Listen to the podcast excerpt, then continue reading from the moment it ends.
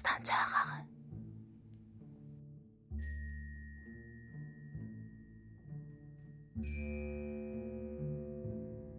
E, nə eybi vardır Təxminə xanım? Çox təmiz ailəniz vardır.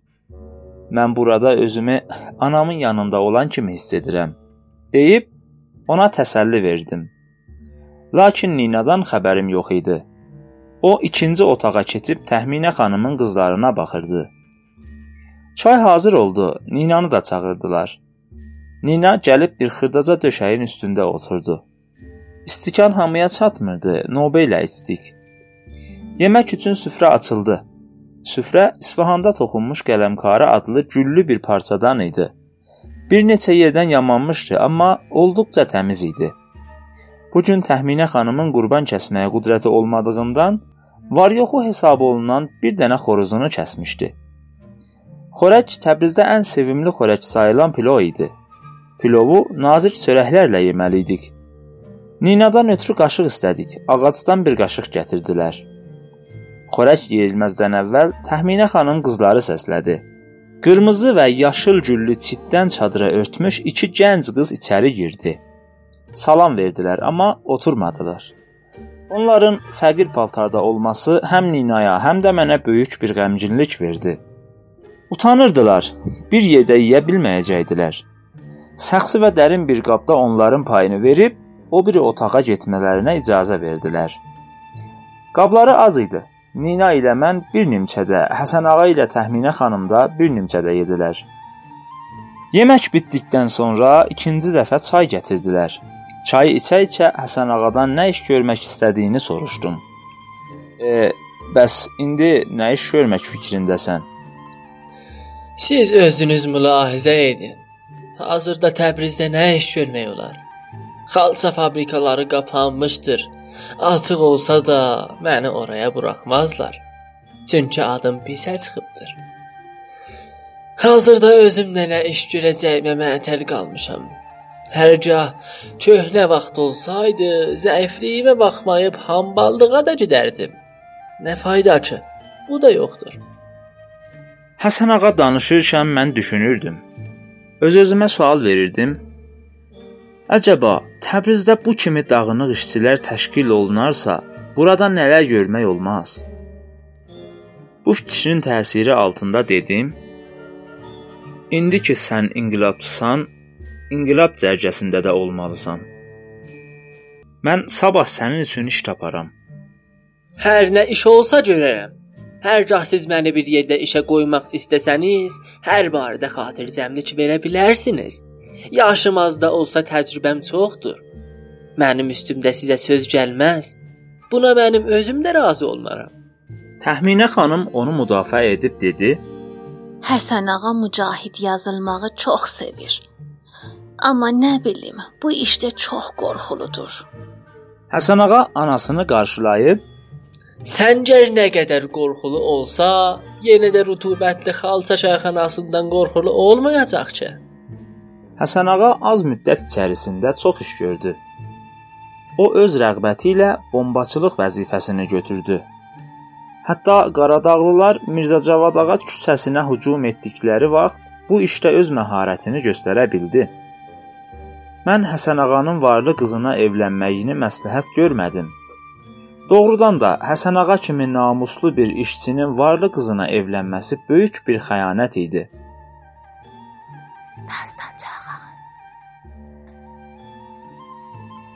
Daima Həsən ağanı bu işdən daşındırmağa çalışırdım.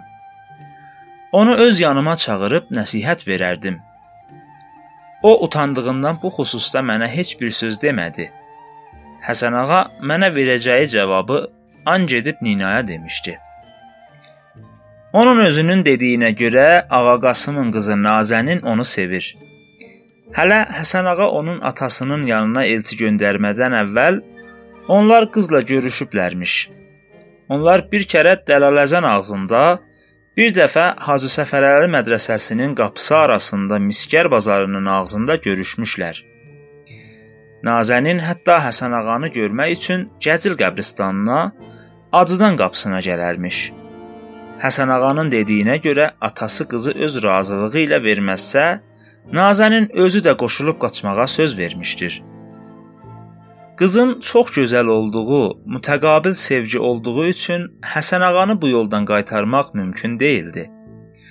Mütəqabil sevgiyə mane olmağımı Nina da çox kəskin bir surətdə tənqid edirdi. Həsən ağa məni gözləyirdi. Mənim razılığımı almadan Ağa Qasımın yanına elçi göndərməyə də utanırdı. Nəhayət razı oldum. Adam göndərildi. Ağa Qasım imtina etmədən qızı verməyə razı oldu. Üzük, paltar və sair şeylər də hazırladıq. Həsən ağa və anası Təxminə xanım gəlinləri Nazənini tez götürüb gətirmək istəyirdilər. Lakin qızın atası Ağa Qasım toy məsələsini bu gün sabaha salırdı. Buna səbəb də Rəhimxanın Təbriz üzərinə hücum etmək üçün hazırlanması idi. Ağa Qasım məsələni ləngitməyə, Rəhimxan məşrutəni dağıdarsa qızı verməkdən boyun qaçırmağa çalışırdı. O hətta qızın Həsən ağaya görünməsini də qadağan edirdi. Nəhayət Bağırxanın hücumundan sonra Rəhimxanın bank bağına qaçması Ağa Qasımın ümidlərini alt-üst elədi. Nə edəcəyini şaşırdı. Digər tərəfdən də Həsən ağa onu hədələyir və tələsdirirdi. Toy başlandı. Bu gecə qız gətiriləcəkdi. Həsən ağa isə məni və Ninanı aparmaq üçün özü gəlmişdi. Cümə axşamı toyun axırıncı günü idi.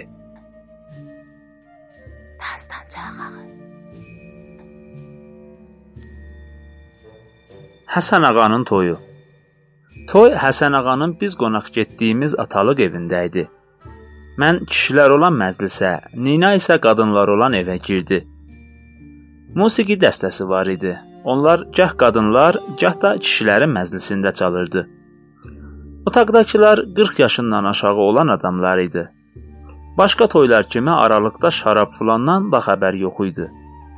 Amma kefli adamlara çox tez-tez təsadüf edirdim. Axırda bunların bir-bir çıxıb bayırda içib gəldikləri məlum oldu. Gəlinin arxasınca gedənlər qayıtmışdı. Musiqi çalınır, fişəng və tüfəng atılırdı. Gəlini çox dəbdəbə ilə gətirdilər. Qadınlar olan otağa apardılar. Birazdan sonra bayırda çox uca səslər eşidildi. Həsən ağanın da səsi eşidilirdi. Ara qarışmışdı. Nə olduğunu öyrənmək üçün dayanmadım. Ninanı götürüb bizi qapıda gözləməkdə olan faytona mindirərək evinə apardım. Faytonla gəldikdə əhrab tərəfindən şiddətli yaylım atəşlərinin səsi eşidilirdi. Burada böyük bir hadisə üz verdiyi şübhəsiz idi. Nina toyda qalxan hayküy və ixtilaf və orada özünün necə qəbul edilməsi haqqında belə bir izahat verdi. Mən otağa girəndə Həsən ağanın anası Təxminə xanım qolumdan tutub evdə oturan qadınlara dedi: "Bu bizim Həsən ağanın yoldaşının nişanlısıdır." Qızlar, gəlinlər ətrafımı aldı. Məni bir uşaq kimi tumarlayıb paltarlarıma əl çəkirdilər. Təxminə xanım isə qızı yormayın, bəsdir deyə məni üstünə döşək salınmış bir sandığın üstündə oturtdu. Qızlar, gəlinlər hələ ətrafımdan çəkilməmişdilər. Onlar köynəyimə, şalıma, saçıma, hətta başımdakı darağa qədər yoxladılar. Məni lazımi qədər təhlil etdikdən sonra hamısı bir ağızdan dedi: Allah sənə də qismət eləsin. Sənin də toyunda oynayaq. Oynadılar, məni də aralığa çəkdilər. Lakin onların musiqisi ilə oynamağı bacarmadım. Oyunlar bitdi. Gəlini gətirməyə gedəndə məni də aparmaq istədilər. Təxminə xanım Qızı incitməyin deyə məni onların əlindən aldı.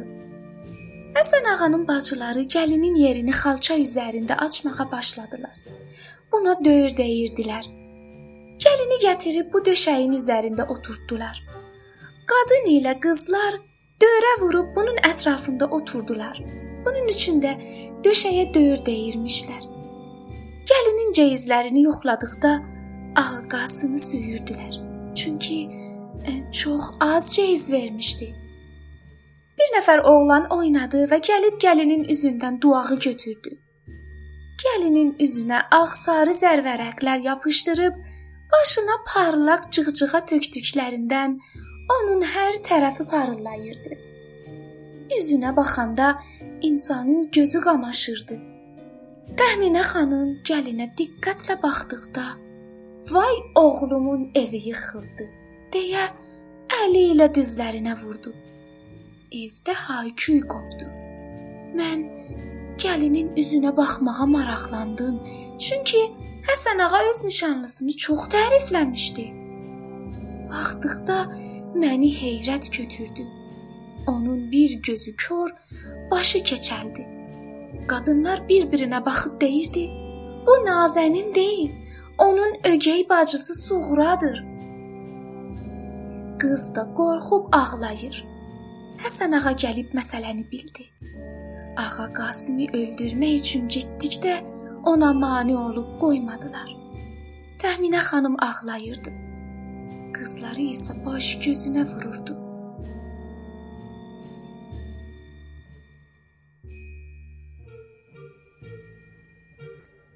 Kitabın adı Dumanlı Təbriz. Yazar Məhəmməd Səid Ordubadı. Hazırlayan Nurullah Purşərif.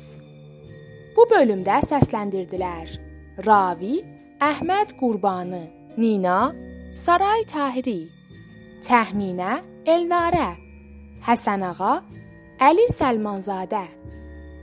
Düzənləyən Səccad Müslimi. Bizim axağa qatılmaqla işimizin ardını tutmaqda bizə dəstək olun. Axağımızın adresi Dastanca. D A S T A N C A